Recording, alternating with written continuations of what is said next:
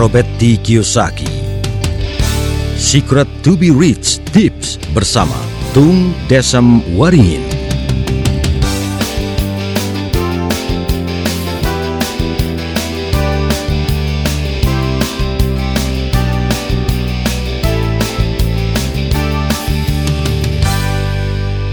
Tips ke-32 Apa yang dilakukan oleh pecundang? Dikatakan oleh Robert Kiyosaki, pecundang melakukan hal-hal yang serupa di dalam hidupnya. Keterangannya begini, dijelaskan Robert, Robert Kiyosaki, orang yang takut kalah melakukan hal-hal yang serupa di dalam hidup. Kita semua mengenal mereka yang menjalani pekerjaan yang tidak berprospek, mereka yang terus menyimpan pakaian tua dan barang-barang yang tidak pernah akan mereka pakai. Mereka yang tetap tinggal di kota-kota yang tidak mempunyai masa depan. Mereka tetap berteman dengan orang-orang yang terus menghalangi kemajuan mereka. Ceritanya seperti ini dalam bahasa saya sendiri. Seperti orang di Afrika. Di orang di Afrika di sana, mereka adalah menangkap monyet dan mereka makan monyet. Yang menangkap mereka dengan cara mensumpit pakai pakai panah beracun atau kemudian dia menjebak atau jaring. Banyak cara, tapi yang cara yang mengesankan adalah satu yang mereka menangkap dengan kendi. Apa yang dilakukan oleh orang Afrika ini dengan kendi? Dia menali kendinya ini, kendi tembaga ini kepada pohon atau batu yang besar sebenarnya tidak bisa ditarik oleh kerannya. Kemudian dikasih kacang di dalam kendi tadi dan di luarnya dikasih kacang disebarin.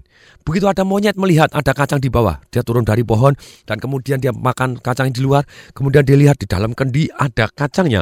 Tangannya masuk dan karena menggenggam, tangannya tidak cukup lagi untuk ditarik dan tidak bisa ditarik, tidak bisa ditarik. Tapi anehnya apa yang terjadi?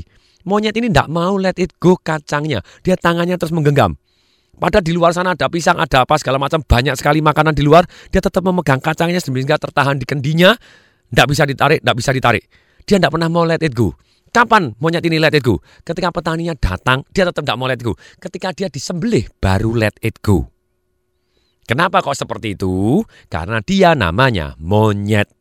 Tapi dalam hidup ini kita saksikan dan kita dengarkan, kita lihat, kita rasakan. Banyak sekali orang-orang yang seperti monyet. Apa pun yang dia lakukan sekarang sudah tidak mungkin mencapai apa pun yang dia impikan. Baik secara pengetahuan, baik secara teman, ataupun baik secara keuangan. Tidak mungkin kan dia mencapai ke arah yang dia impikan.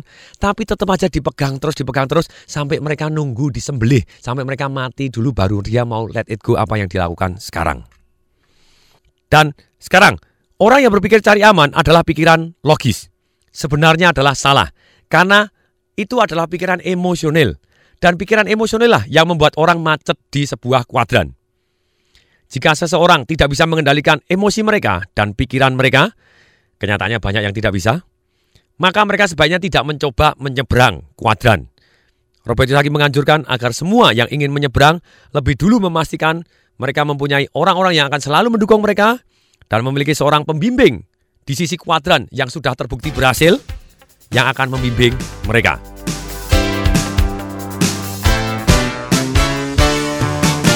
Demikian, semoga bermanfaat. Saya Tung Desem Waringin mengucapkan salam dahsyat.